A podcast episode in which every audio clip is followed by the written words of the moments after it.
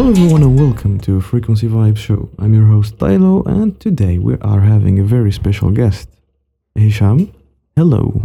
السلام عليكم ورحمة الله تعالى وبركاته وليد صحة رمضانك صحة رمضان tous les auditeurs اللي يسمعوا فينا دوك merci pour l'invitation c'est un grand plaisir de te parler اليوم aujourd'hui في البودكاست هذا تاعنا Eh ben, tout le plaisir est pour moi. صحة رمضانكم صحة فطوركم and صحة صحاكم it depends on تشوفوا هذا البودكاست.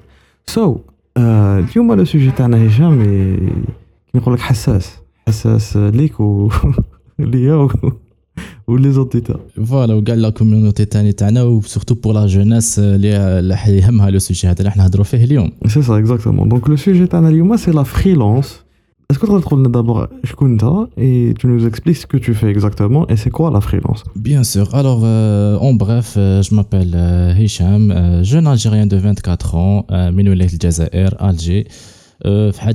le domaine professionnel plutôt le domaine d'études. J'ai fait un master de, en génie civil. C'est différent à l'âge je comme freelance, là, on j'ai eu mon master de en génie civil l'année 2020, plus STHP. Euh, freelancer depuis février 2019 en tant que vidéo freelancer, vidéo editor freelancing et récemment aussi comme YouTube thumbnail designer, des miniatures pour les vidéos YouTube. That's very good. Merci. C'est quoi la freelance? Eh ben, pour tout te dire, euh, Walid, je pourrais te donner la définition, euh, comme on dit, na, littéraire, la définition, ta, euh, le dictionnaire, c'est quoi le freelance ou bien le freelancing? C'est le fait de travailler ben, chez soi, de travail Hada ne demande pas forcément un diplôme ou bien même des fois de l'expérience. Travailler à son propre compte, ne pas être dépendant d'une entreprise ou bien d'un organisme même. Et de, de notre côté, j'aimerais aussi te donner une définition personnelle ou bien كما نقولوا احنا في le jargon تاعنا mon POV, mon point of view. Eh ben c'est le fait d'être euh, premièrement indépendant des autres. تقدر تقسم الوقت تاعك euh, tout seul, tu peux travailler à n'importe quel moment. Euh, t'as pas besoin كما قلت لك في le début d'un diplôme ou bien même de l'expérience في quelques domaines. Euh, ben voilà, en général, c'est ça le freelancing, c'est c'est باش نخ- نديرو تاني كيما نقولوا résumé total في une seule phrase, c'est le fait تاع تخدم عند روحك تخدم في n'importe quel domaine sans forcément avoir de l'expérience ou bien un diplôme في واش راح دير. Ok, d'accord. Maintenant que la belle, là, c'est quoi le, la, la freelance C'est quoi les types de la freelance en général ben, le freelancing, Walid, c'est vraiment sans fin, c'est vraiment illimité. On se freelance sur plusieurs domaines. Je vais te donner quelques domaines avec exemple chacun, si tu me permets, bien sûr. Bien sûr. Alors, on a pu, euh, premièrement, le freelance, les marouf le domaine internet, c'est le freelance euh, translator, c'est la traduction, c'est euh, de l'audio, bien être, euh, ça, veut, ça peut être du texte, euh, plusieurs langues. Par exemple, toi, tu connais bien le français et l'arabe. Je peux te donner un texte en arabe, tu le me traduis en français. عندنا le freelance en copywriter, c'est le fait تاع تكتب euh, مقالات pour un blog ou bien un site internet ou même une rubrique sur un magazine زعما. Euh, Qu'est-ce qu'il y a aussi تاني كاين le freelance euh, designer et هذا هو le domaine اللي حبيت نهضر عليه euh, كيما قلت لك pour la- pour le début في l'intro تاعنا Oui. اللي قلت لك ça va intéresser beaucoup de gens et je les conseille vraiment pour les jeunes algériens surtout sans emploi Euh, je vais d'abord te donner un exemple. Euh, c'est le fait de créer un design, que ce soit des posters, des couvertures pour des pages Facebook, des publicités, euh, des logos, aussi tout ce qui est graphique. Et elle dit vraiment, je pense euh, que vous pouvez trouver un travail rapidement euh, euh, en tant que community manager pour des entreprises, pour les réseaux, pour les réseaux sociaux parce qu'on remarque que les entreprises en Algérie, euh, la communication la publicité aussi. Alors bzaf se base sur les réseaux sociaux pour toucher plus de gens, toucher plus de jeunesse. Adna, qu'est-ce qu'il y a aussi comme freelance? On a le freelance euh, de website, euh, de création de website aussi. C'est le fait de créer un site web ou bien juste euh, de le designer, la page d'accueil, le thème, etc. Qu'est-ce qu'il y a aussi, Tanit? Le freelance en tant que photographe, ça peut être le fait d'être un photographe, d'offrir tes services pour, par exemple, des mariages, des conférences ou bien même vendre tes photos en tant que shutterstock. Euh, شفنا بلي بزاف تانيت آه، كانوا يبيعوا في les photos تاعهم euh, par exemple euh, sur euh, des banques de photos qui m'a Shutterstock, ou bien juste de proposer tes services pour éditer ou retoucher des photos pour des clients. Et pour finir, le domaine personnellement, c'est le montage vidéo ou bien le fait de filmer. Depuis trois ans, j'édite aussi des vidéos pour le gaming, pour aussi des, des conférences, ajouter, rendre la vidéo encore mieux, etc. Donc voilà, c'est ça les types de freelancing les plus connus. On peut aller encore plus dans les détails, mais vraiment, c'est les domaines qui nous intéressent le plus. C'est les domaines les vraiment on peut trouver faire un travail euh, facilement et ne demande pas beaucoup d'apprentissage. D'accord. Anna personnellement, je suis une personne les je me suis aventuré dans le freelance design ou les traduction et tout. Donc euh, mais bon, mon expérience a été limitée. Mais maintenant, tu, fais, tu fais ça un peu, on va dire, full time. Voilà, c'est presque, on va dire, en temps plein de mon côté. Surtout, c'est vraiment mon, mon revenu principal, je vais te dire. Euh, donc, tu as en 2019, d'accord Exactement, ouais. Est-ce que tu as déjà fait la freelance en Algérie? Est-ce que tu as déjà eu des clients euh, Récemment, oui. Euh, qui euh, j'ai commencé avec des, clients étrangers, mais récemment, euh, peut-être avec des clients à Fidzayer. C'est pas beaucoup parce que mazal remarque que le freelancing Fidzayer mazal ou je crois que les entreprises mais ils des freelancers, ils préfèrent juste travailler avec une entreprise ou bien un organisme. donc voilà, il n'y a pas beaucoup de clients en Algérie malheureusement. D'accord. personnellement, quand j'ai commencé à faire la freelance genre, mhm. j'ai remarqué qu'il y a des entreprises en Algérie, mais quand je dis entreprise, je dis boîte de communication. D'accord. D'accord leur le business model تاعهم يمشي على les freelancers تما هما هما ce qu'ils font en général c'est que عندهم زعما نقولوا un senior designer un senior copywriter un tu vois عندهم هذوك les seniors ouais ouais un prix pour les les taf صغار هذوك زعما سي با انا تجيك اونتربريز تقول لك اسمع دير لي لي ستيكر تاع كوفيد راك شايف ما يروحش يقول ما يروحش عند السينيور مانجر يديرها ماشي السينيور ديزاينر سي سور سي سور ils vont ils vont aller vers les هذوما les petits freelancers les c'est des juniors les débutants في le domaine يروح عندهم يقول لك هاي ليك دير لي هذه الخدمه What is your latest work الخدمه تاعك الاخرى اللي درتها Eh ben, le dernier travail euh, récemment, c'est avec des Algériens. Euh, c'est où je compte la j'ai fait un travail. Euh, je travaille avec euh, une entreprise ou bien une école algérienne appelée SMI en tant que vidéo éditeur. Je suis en train de travailler avec eux. ils font quotidiennement des reels, des vidéos courtes sur TikTok. Je m'occupe de monter leurs vidéos pour qu'ils soient postés quotidiennement, mais une seule vidéo par jour. Sinon, euh, le travail euh, question miniature YouTube, ma dernière création, c'est la miniature, la dernière vidéo de l'influenceur euh, sur Instagram, Rivka. J'ai fait la dernière miniature de la vidéo YouTube sur sa chaîne YouTube.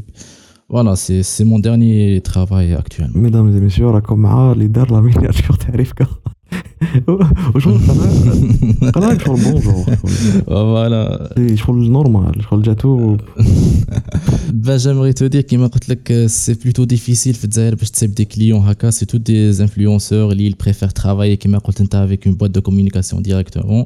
Mais j'ai eu la chance de travailler avec Rivka on s'est rencontrés on a vu les miniatures on a j'ai proposé plusieurs idées euh, voilà on a on est sorti avec une miniature YouTube les rails sur euh, la dernière euh, vidéo sur sa chaîne YouTube. Comment tu peux décrire l'expérience TAC, l'influenceur? Eh ben, C'est une nouvelle expérience parce que le Fidzaïr, qui m'a euh, il n'y a pas beaucoup. Euh, voilà, les gens qui travaillent des freelancers ou bien même qui euh, les boîtes de communication. Alhamdoulilah, c'est une bonne expérience.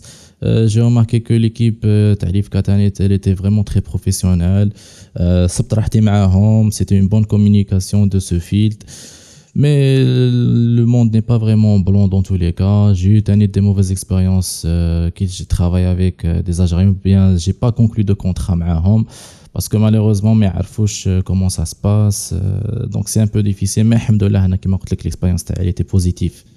Et, et c'est quoi, c'est quoi your best work? your best work que tu peux décrire Ben, ben, chauffe, ben chauffe, Walid. De mon côté, là, de ce côté, à la question, hein, quel est mon, mon meilleur travail?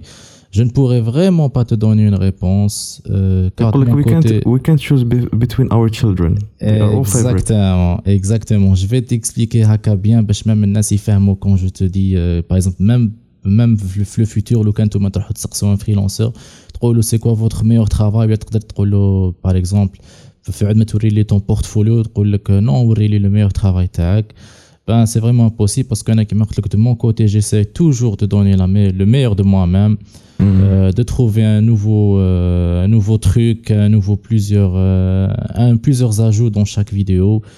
Et vu que qu'elles se distinguent tous les unes des autres, il n'y a pas vraiment de the best. Donc euh, chaque vidéo est différente à la khota. alright alright thank you Hicham uh, for your honest Avec grand answers plaisir. Mhm. دوكا ندخلوا في لي كيسيون سبايسي راك شايف سبايسي كويشن Vas-y, vas-y, y a pas de problème. انا على بالي باللي الناس تجاوب على هاد لي كيسيون Bien sûr. علاش واش la question دي تهم parce que في la, في la société تاعنا c'est vraiment tabou le sujet هذا donc ça fait plaisir انا نحب نريبوندي هذه parce que je sais ça va aider plusieurs personnes que ce soit حبوا يبداو freelancing que ce soit حبوا يخدموا avec un freelancer que ce soit une entreprise Ouais. اللي حبت euh, elle recrute quelqu'un pour le freelancing donc euh, vas-y Est-ce le, la freelance En général, hein, en général, est-ce que c'est financièrement stable? Hmm, pour te donner une euh, réponse nette, elle va décevoir bah, plusieurs personnes la mise au final. Ben malheureusement, ce n'est pas le cas.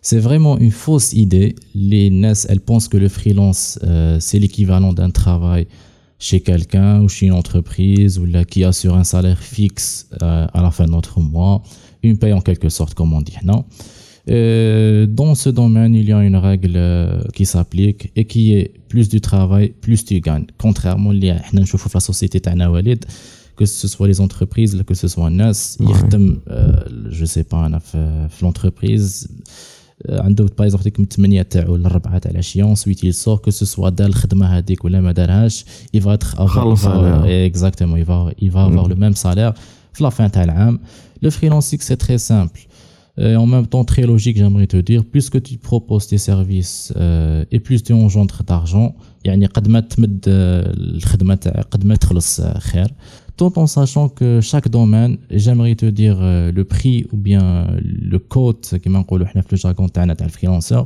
chaque domaine وعنده euh, le prix تاعو ولا شحال يدخل لك donc voilà donc euh, c'est pas vraiment financièrement stable il y a des mois avec et il y a des mois sans داكور دونك كيما قلت انت شاك شاك طيب تاع الجوب كل كل كل هو عنده الكود تاعو. هكا كابابل تكون سي با تكودي دي زابليكاسيون وفي شاك ابليكاسيون تدي منها منها سي با 1000 دولار. شاك ابليكاسيون وانت وانت وانت ابليكاسيون تقول تقدر تكملها في سي با 3 سمان عندك في exactement 3 سمان 1000 دولار وتبقى تجمع طم طم طم طم و Mais qui m'a la traduction traduction 50 dollars par texte ou la par, par exactement.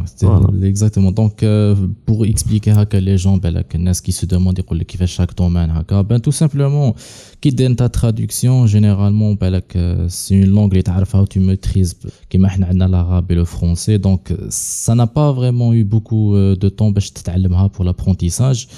Contrairement les amas de programmation d'un site web ou bien d'une application qui prend beaucoup de temps pour apprendre, bah, tu, bah, tu appliques, bah, euh, tu surtout le freelancing.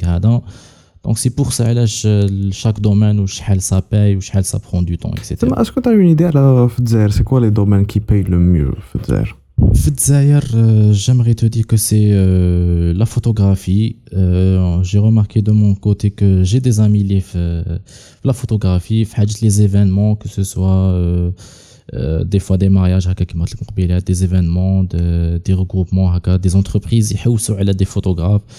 je peux te dire que ça, ça paye vraiment bien.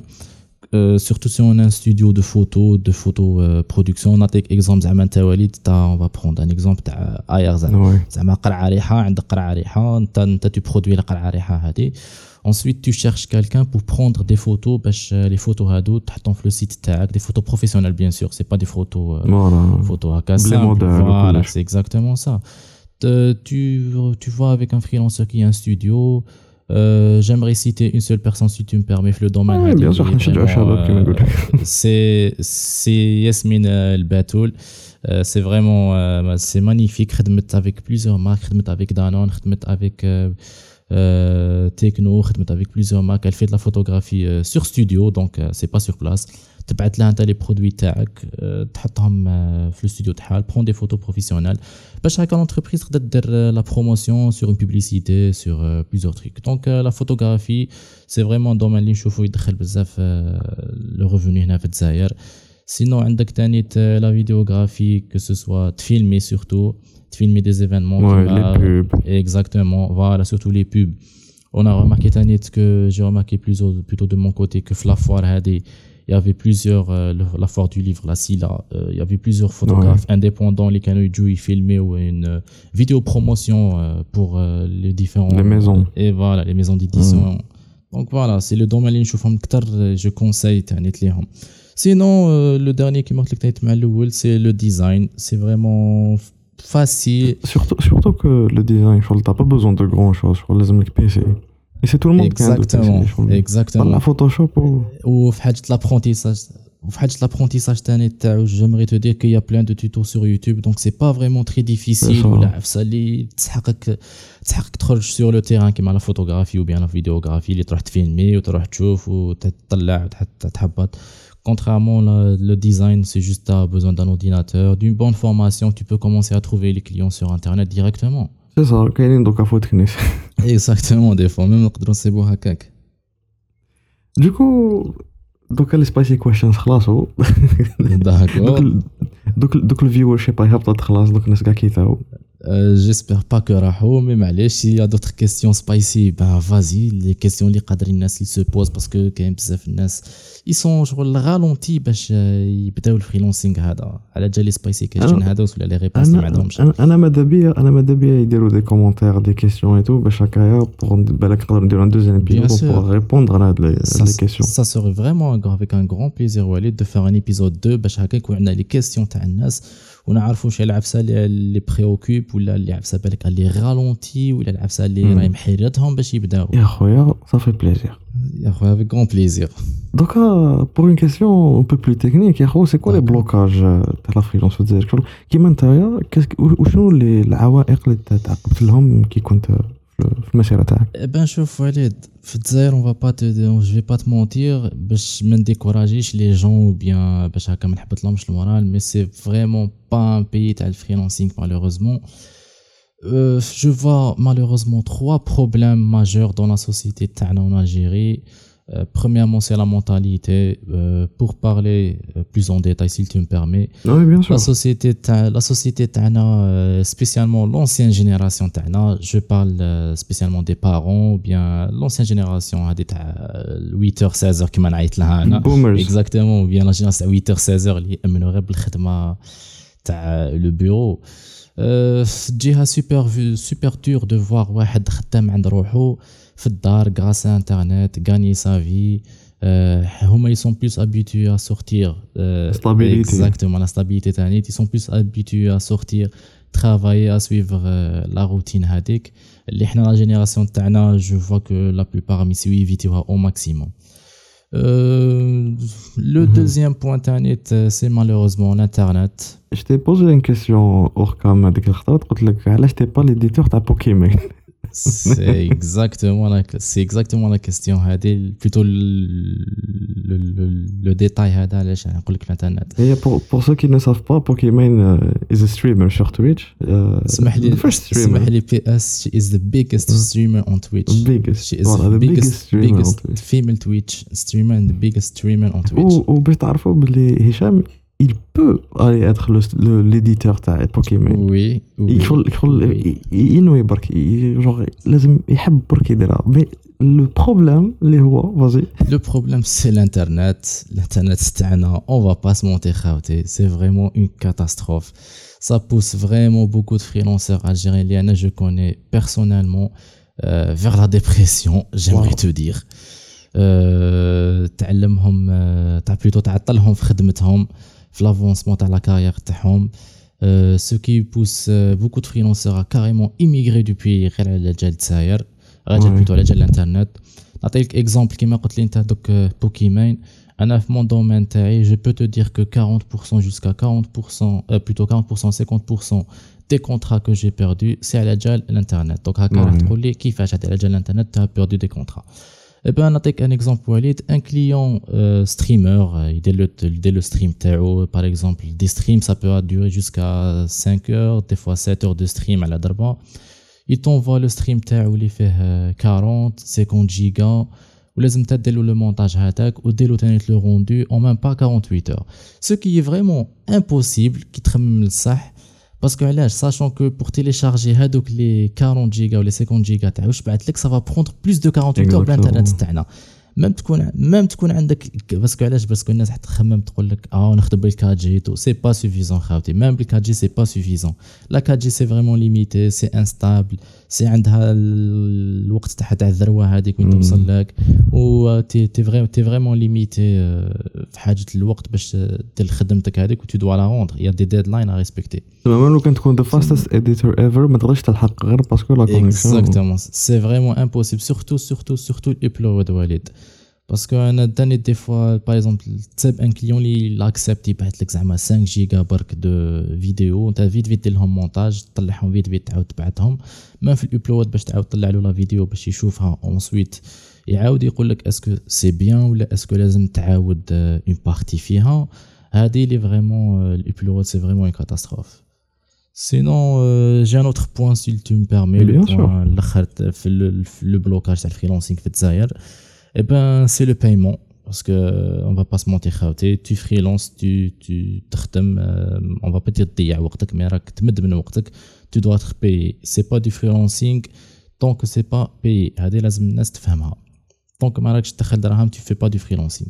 Le dernier point, c'est le paiement. Qui m'a travailler avec mhm. des étrangers هما لو بيمون تاعهم سي لور ديرني بروبليم عندهم لي كارت فيزا عندهم لي كارت عندهم فينمو عندهم كاش اب بلان بلان بلان اكزاكتومون كاش اب فوالا كاش اب بور لو بيمون دونك لو بيمون سي فريمون لو ديرني بروبليم عندهم وحنا جيمري تو دير كو كومباري ا نو لي لي كارت فيزا اكسبتابل ما عندناش ce qui pousse à passer par PayPal, par des cartes étrangères comme Paysera اللي دوك راهي فريمون معروفه في الجزائر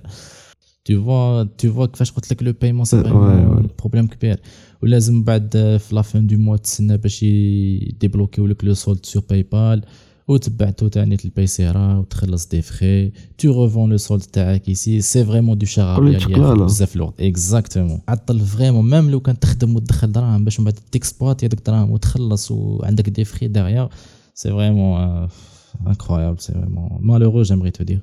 Du coup, Hicham, en tant que freelanceur à national ou l'international, pour toi, c'est quoi l'importance de la société?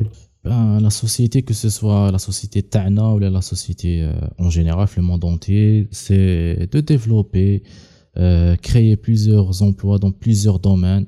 Ça aide beaucoup la société euh, pour lutter contre le chômage. Parce que là, je parle de moi-même cette année personnellement beaucoup de personnes sans emploi se tournent vers le freelancing.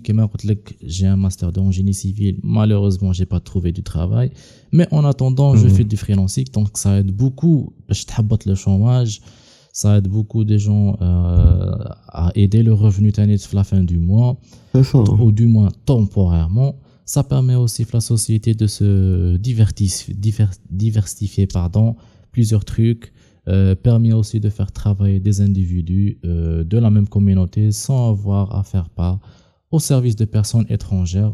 Par exemple, tu as un projet, tu préfères euh, une jeune équipe algérienne qui en même temps يعني يتلاقاو ويخدموا لك زعما la publicité تاعك ولا n'importe quelle عفسه تحب ديرها كو تدخل d'autres personnes étrangères في الوسط اللي بالك يعطلوك بالك la communication تاني تكون difficile بالك on n'a pas la même vision donc euh, voilà, c'est l'important, c'est vraiment, c'est vraiment magnifique, j'aimerais te dire, le freelancing, que trop lui la société.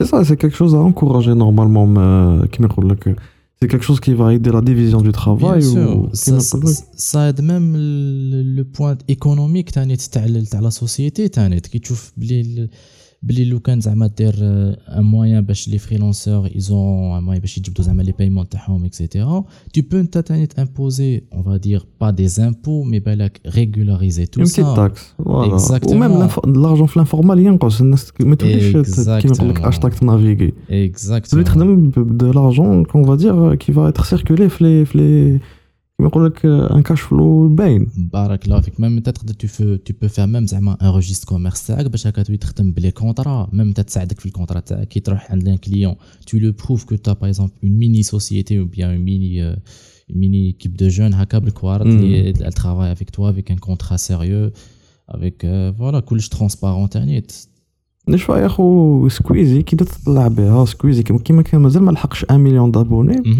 euh, le gouvernement français il a le truc t'as auto-entrepreneur. Exactement. Tu m'as un registre de commerce à 14 ans, là, 15 ans, à 5 ans. Exactement. C'est exactement le cas. Auto-entrepreneur, c'est le fait que tu crées une, une euh, société, les Walid, les fait euh, un seul employé. Les, les dans notre cas, les, les, les, les, les, les, les, les, les, les, les, les, les, euh, donc voilà, c'est régularisé en quelque sorte. Eh ben, ça fait vraiment plaisir de t'avoir, Anaya, et finalement pouvoir euh, écouter ton point de vue à la, freelance. Merci d'avoir. Eh ben, eh ben c'est moi qui te remercie. C'est un grand plaisir de partager tout ça avec toi. J'espère que euh, le J'en suis sûr.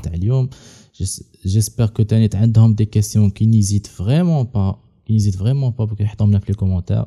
Ça me ferait vraiment un grand plaisir de faire euh, un épisode 2 avec toi Walid. On répond les questions. بالك زادو نتعمقوا اكثر عفايس اللي هضرنا اللي ما هضرناش Parfait. عليهم. بالك euh, des questions. Voilà. Donc je te remercie vraiment Merci à Walid, toi. pour euh, le podcast هذا pour يعطيك l'invitation. الصحة. Merci beaucoup et merci, Tout le plaisir pour moi.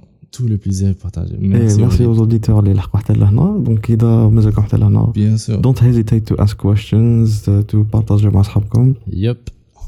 Donc Mhm. euh, voilà.